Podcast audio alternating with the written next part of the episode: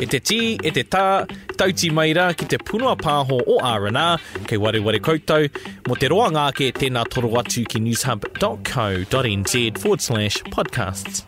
Kia ora tātou, welcome. This is the R&R podcast. Don't forget you can check out newshub.co.nz forward slash podcasts for more.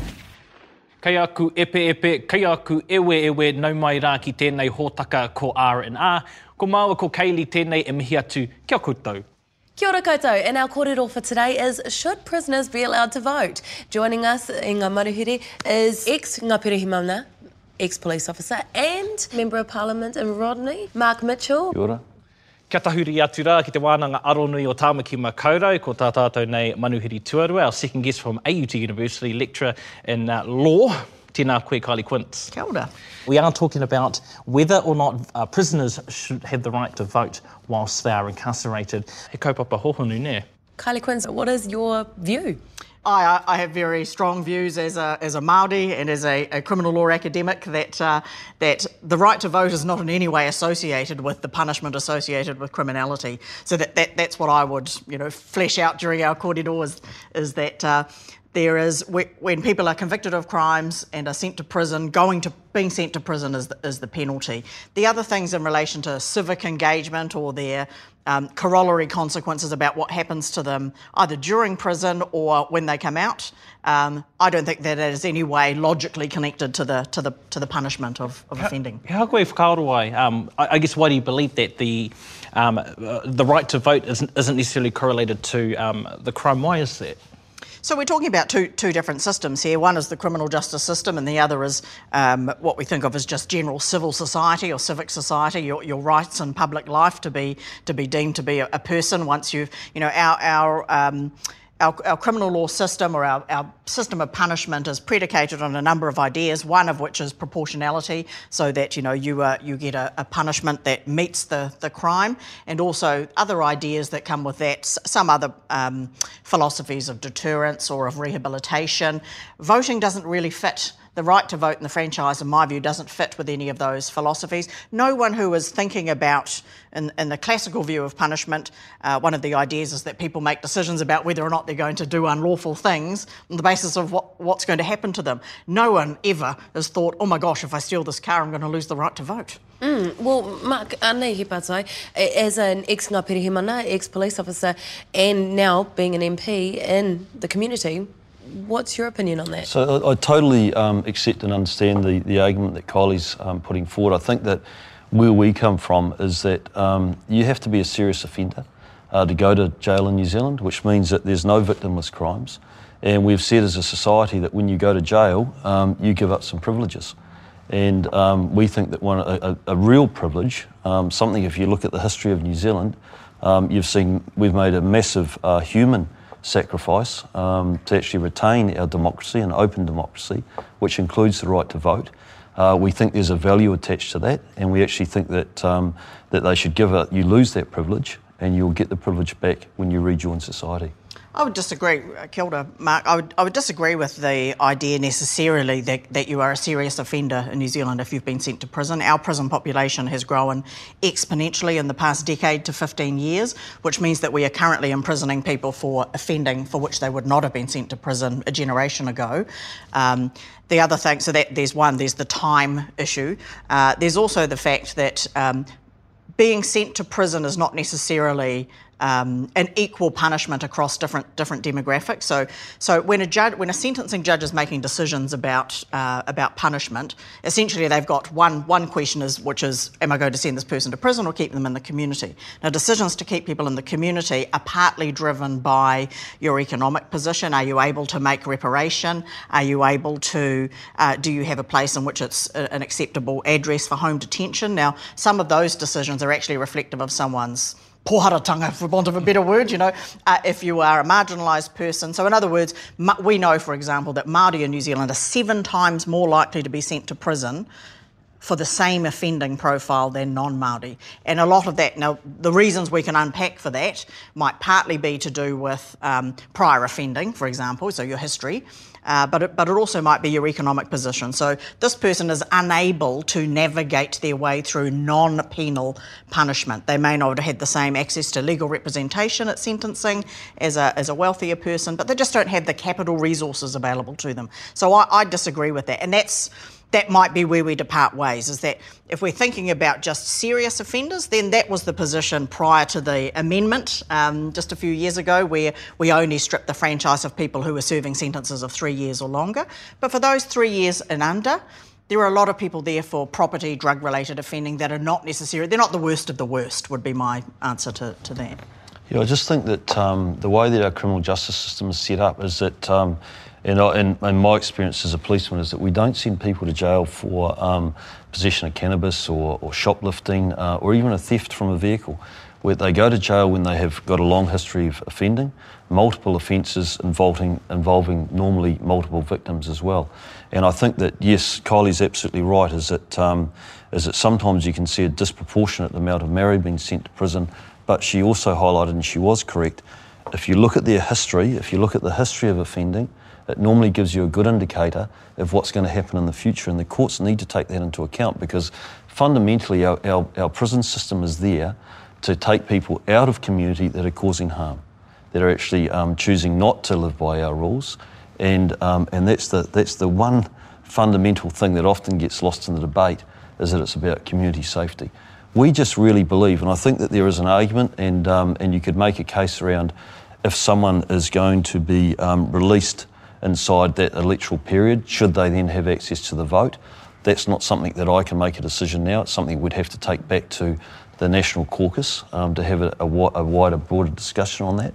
But right now, we feel very strongly about the fact that um, if you offend against society, if your offending is bad enough that you're sent into our correction system, you are going to lose privileges, and one of those privileges is going to be the right to vote you'll have that returned to you when you return to society. Well, he pātai, for the prisoners who we're actually talking about, he take ki rātou, do they even care?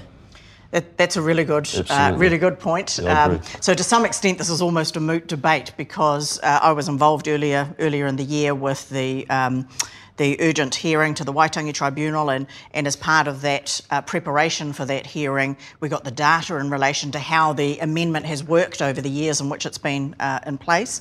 And the saddest part is that for most prisoners, so the way that the, the way that our current regime works is that once you are sentenced to prison, you are removed, you are to be removed from the electoral roll, and then then you choose to be re-enrolled upon upon release.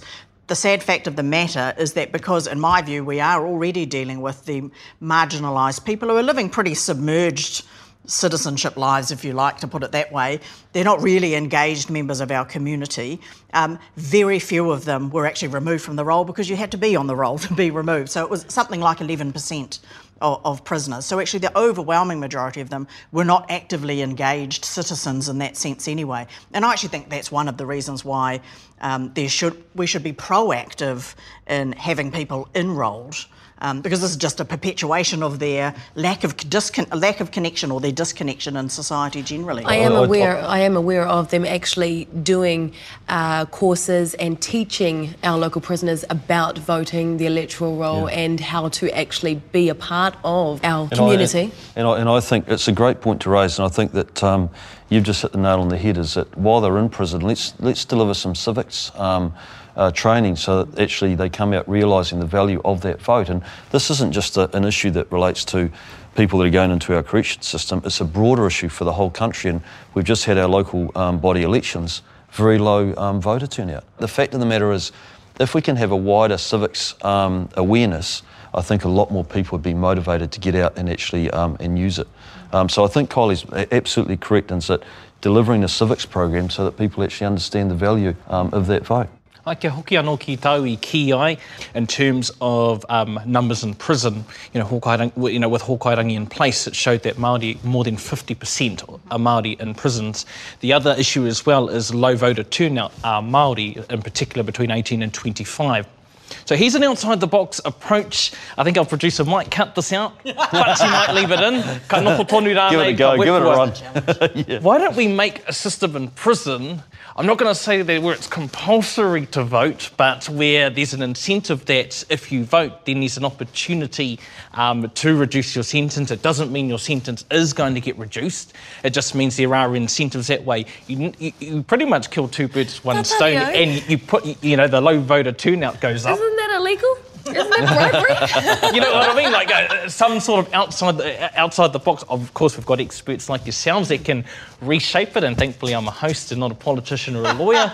or whakaaro, or korua whakaaro. What do you I had a um, I had a similar outside the box whakaaro in relation to this kaupapa, um, which segues nicely into into Mark's point about civics education, which I think is absolutely necessary for inmates, irrespective of whether or not we we change the law in relation to this take. Um, actually, is that there should be good civics education so that it's part of the rehabilitation program. And I think wherever you are on the political spectrum, people agree with that. You want people to come out and be engaged and not go back in again and be better people than they were before. Absolutely. It's very difficult to think about prison being part of that um, formula for me, but but one of the ways in which that can, ha- can happen is to help make the connections where where people are disconnected, and one of those is in relation to the franchise and general political engagement. The, out, the outside the box whakaaro I had in relation to this was to have if we've got ten thousand inmates, that ha- that's half an electorate. You know, one of the things you could have Rodney. is have the Yeah, is right. have the a prison a nationwide non-territorial non-whenua based Mm. prison electorate. I mean that you know the Cook Islands has a non-resident um, has a non-resident seat or representation for people from outside. So it's it's not that it doesn't it's not like it doesn't have other analogies elsewhere. But I thought that would be one way to, to you know essentially come to the same result that you, you're looking for to fix that that problem, which is how do we get people engaged? And I think really the one other thing I want to say about that the age profile of our prisoners is important. So, um, most people age out of offending and serious offending by the age of 28. There is, which means that our prison population is generally, like it is everywhere in the Western world, young, and it's usually young men. There is a contam- one of the contamination effects of being in prison is in relation to voting, and all voting behaviour research tells us that if you don't vote in the first election at which you qualify, which in New Zealand is at aged 18, if you don't vote then, you are highly unlikely to vote ever again in your life. So whether or not you're in prison or not, being in prison is not the is not the factor here. It's voting. Yeah. So if you don't vote, then not only will you not are not likely to vote again in your life because it's just part of a habit. Um, but also for Māori, we add to that the fact that Pākehā people or non-Māori people think about voting as an individual civic right. We don't. There's the contamination of you and your whānau. So if your tāne, your matua, your uncle, your cousin decides not to vote because he's inside, um, then it's unlikely again. We, we do this as a family. It doesn't matter who you're voting for, but as a family, when I turned 18, my parents and I walked to the booth together. You know, it's a, it is a pattern of behaviour as It's part of our responsibility as citizens. Yeah, it- it's- it's and if you're not there to do that, then No, no, and one will do it. And, it, and it's really interesting that if you grow up in a family that is politically engaged, um, you're far more likely to vote. And, and, you, and you're probably at 18, you, you're um, maybe not so much these days, but certainly um, you know 10, 20 years ago, you'd probably vote the way your family did. So it's either a Labour um, uh, family or a, or a National family, and that's the way it worked. And I th- so I think what that highlights is that if you have far greater, uh, if you have big civics programs and there's big engagement from iwi and hapu, that's how you're actually going to start to stimulate that desire to, to get engaged and actually go out and vote. I think your policy idea um, has got some merits. We definitely wouldn't go as far because the National Party were very clear about our views that we do think it's a privilege um, and, it's, and it will be removed while you're in jail. But, um, but I think what you could do is meet halfway, and if we come back to a civics program, if they meet um, some milestones in terms of engaging in these rehabilitation programs, it can affect the length of their sentence. But we wouldn't support um, uh, giving them the vote to be able to reduce that. Well, currently there are prisoners who uh, go to mahi. They actually go to work. I mean, it is Yeah. 20 to 60 cents uh, an hour, and they do work their 40 hours, you know, kahari ki mahi. They contribute. Why not let them uh, vote? Because they well that, that, so that's showing that they have a will to actually start being productive and, and, and make a positive contribution back into society because up until that point uh, we've sent a pretty clear message that their contribution has been negative um, and, so the, and coming back to the vote uh, we simply see that as the removal of a privilege. It is a privilege, there is a value associated with that, that is reinstated when you come back and you rejoin society. The work programs, I think, are really important to help develop skills and also get them engaged with doing something positive. And I mean, the great thing about those work programs is we all know that if we go out and do something and see the results of it, it gives you a sense of achievement. And, um, and for the first time, a lot of, it, it, does, absolutely, without a doubt. And, um, and that's the real strength in these programs.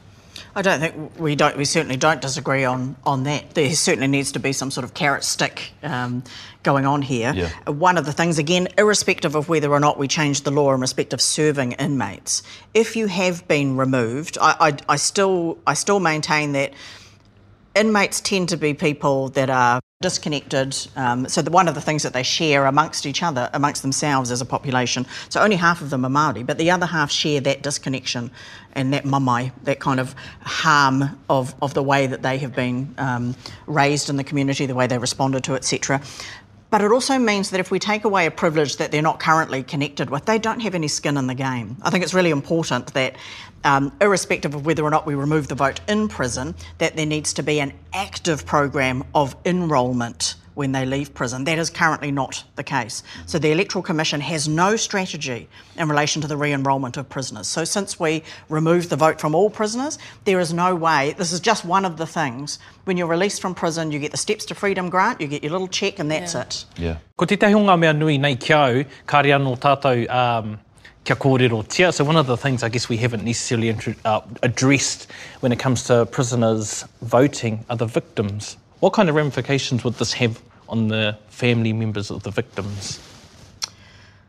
Good, question, and it essentially comes down to your view as to what you think is, is associated with the punishment. Um, and, and Mark and his party clearly have a, have a view that this is one of these are some of the privileges that, that are taken away. Um, I have a different view. My view is that being sent to prison is the punishment. What happens in prison is not part of that punishment. Uh, so your punishment is being removed from society, um, which is not to say that you shouldn't be engaged in some way. You're not. You're removed for safety reasons, and you're removed removed partly for punishment reasons. Um, but this is not to say that you are not dis- disconnected. I mean, there is an, ex- for example, there's an excellent program um, that operates in prison at the moment uh, in relation to providing all prisoners with access to a daily newspaper. Um, so that's part of that civic engagement. You know, so you need to know what's happening on the outside for when you get out there. You need to have political opinions. You need to have views on Aotearoa. You need. You're not an island. You are part of a community. You're part of whānau. You're part of hapori. You need to. You know. You need to be ready to hit the ground running when you get out um, not to come out you know, as a possum in the headlights and have to start from scratch. That that does immense harm. People being, you know, disengaged and unable to really fully reintegrate. So, uh, if I can come back to the original question around victims, I think that um, most victims, uh, their position will be that they've had something taken off them, right?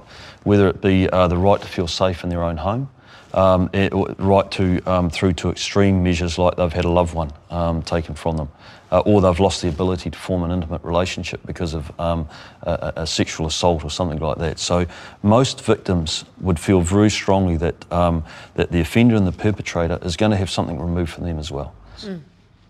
Kia haere kata kata ai. I'm going to flip the script a little bit here. So national stance is, um, and you guys are firm believers that prisoners should not vote. What if you had a situation, say, and we were talking about it before, we, we, we rounded out the numbers of a, a corrections facility centre, which is half an electorate.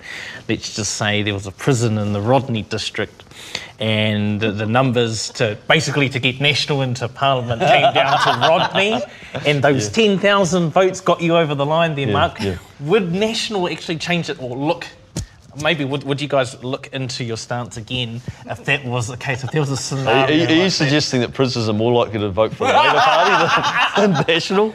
Look, at the end of the day, um, we wouldn't change our position on it. We're just very clear about it. We just feel.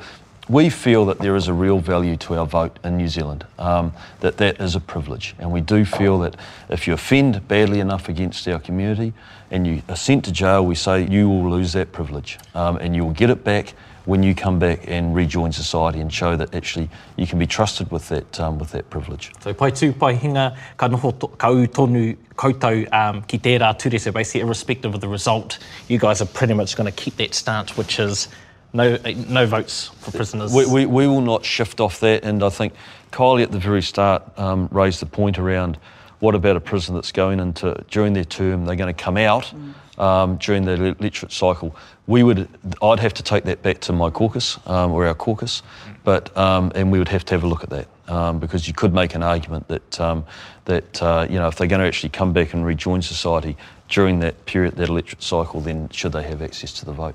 Um, we, we haven't come to a position on that yet, but it's certainly something that we'd look at. You know, my, my view on it my honest view in terms of the pipeline, because we don't want to have any people in prisons, right, in New Zealand. There's no doubt about that. We'd all agree on this panel about that. But, um, but my view, quite simply, is this.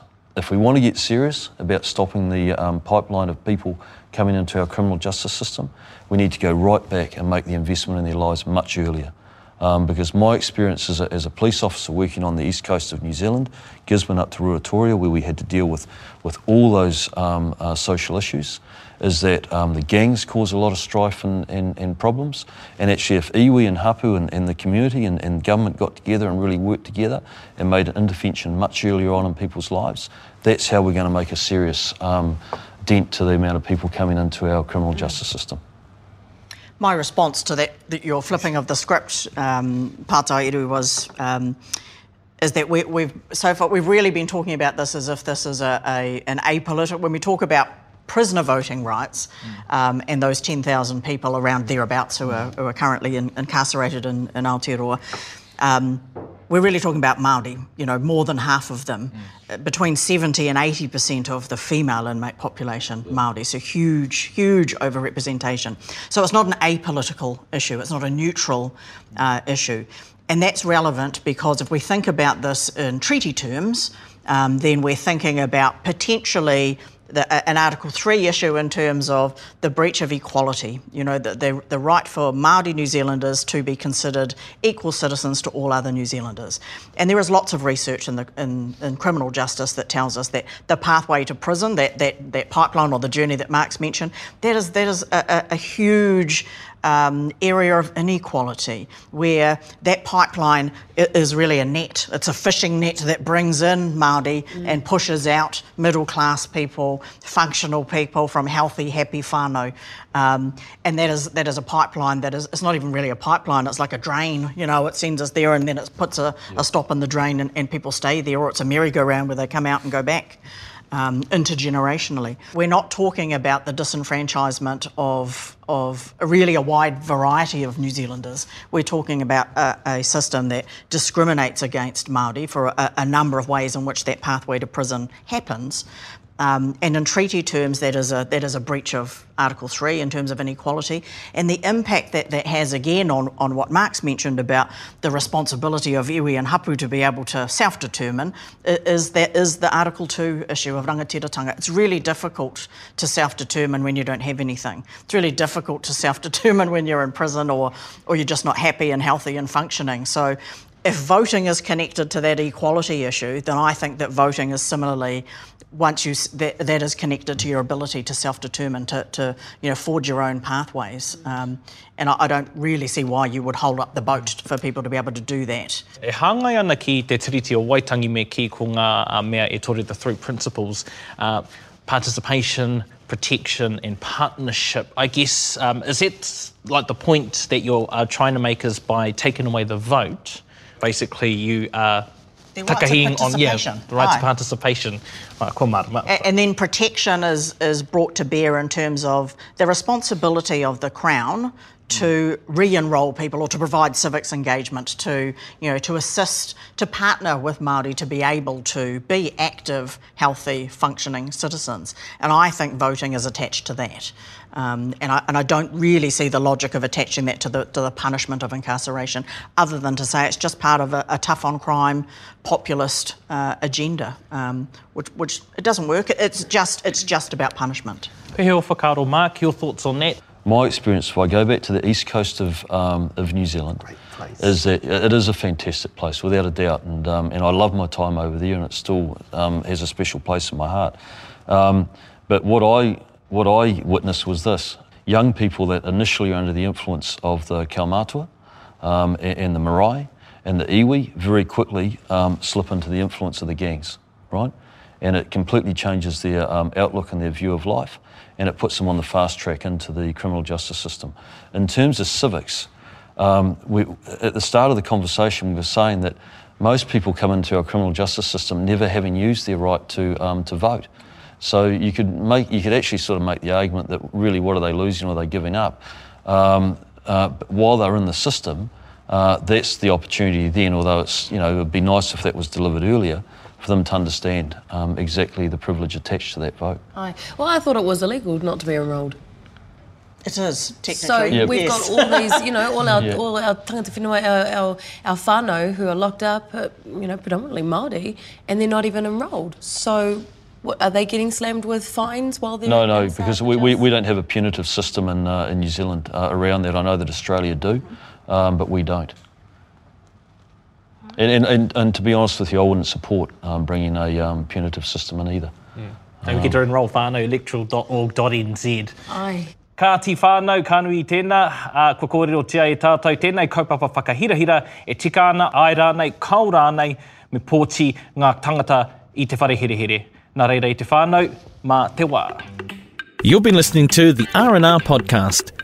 Go to newshub.co.nz forward slash podcasts to hear more. Kua whakarongo koe ki te punua pāho o R&R. Mō te roanga ake, tēnā toro atu ki newshub.co.nz forward slash podcasts.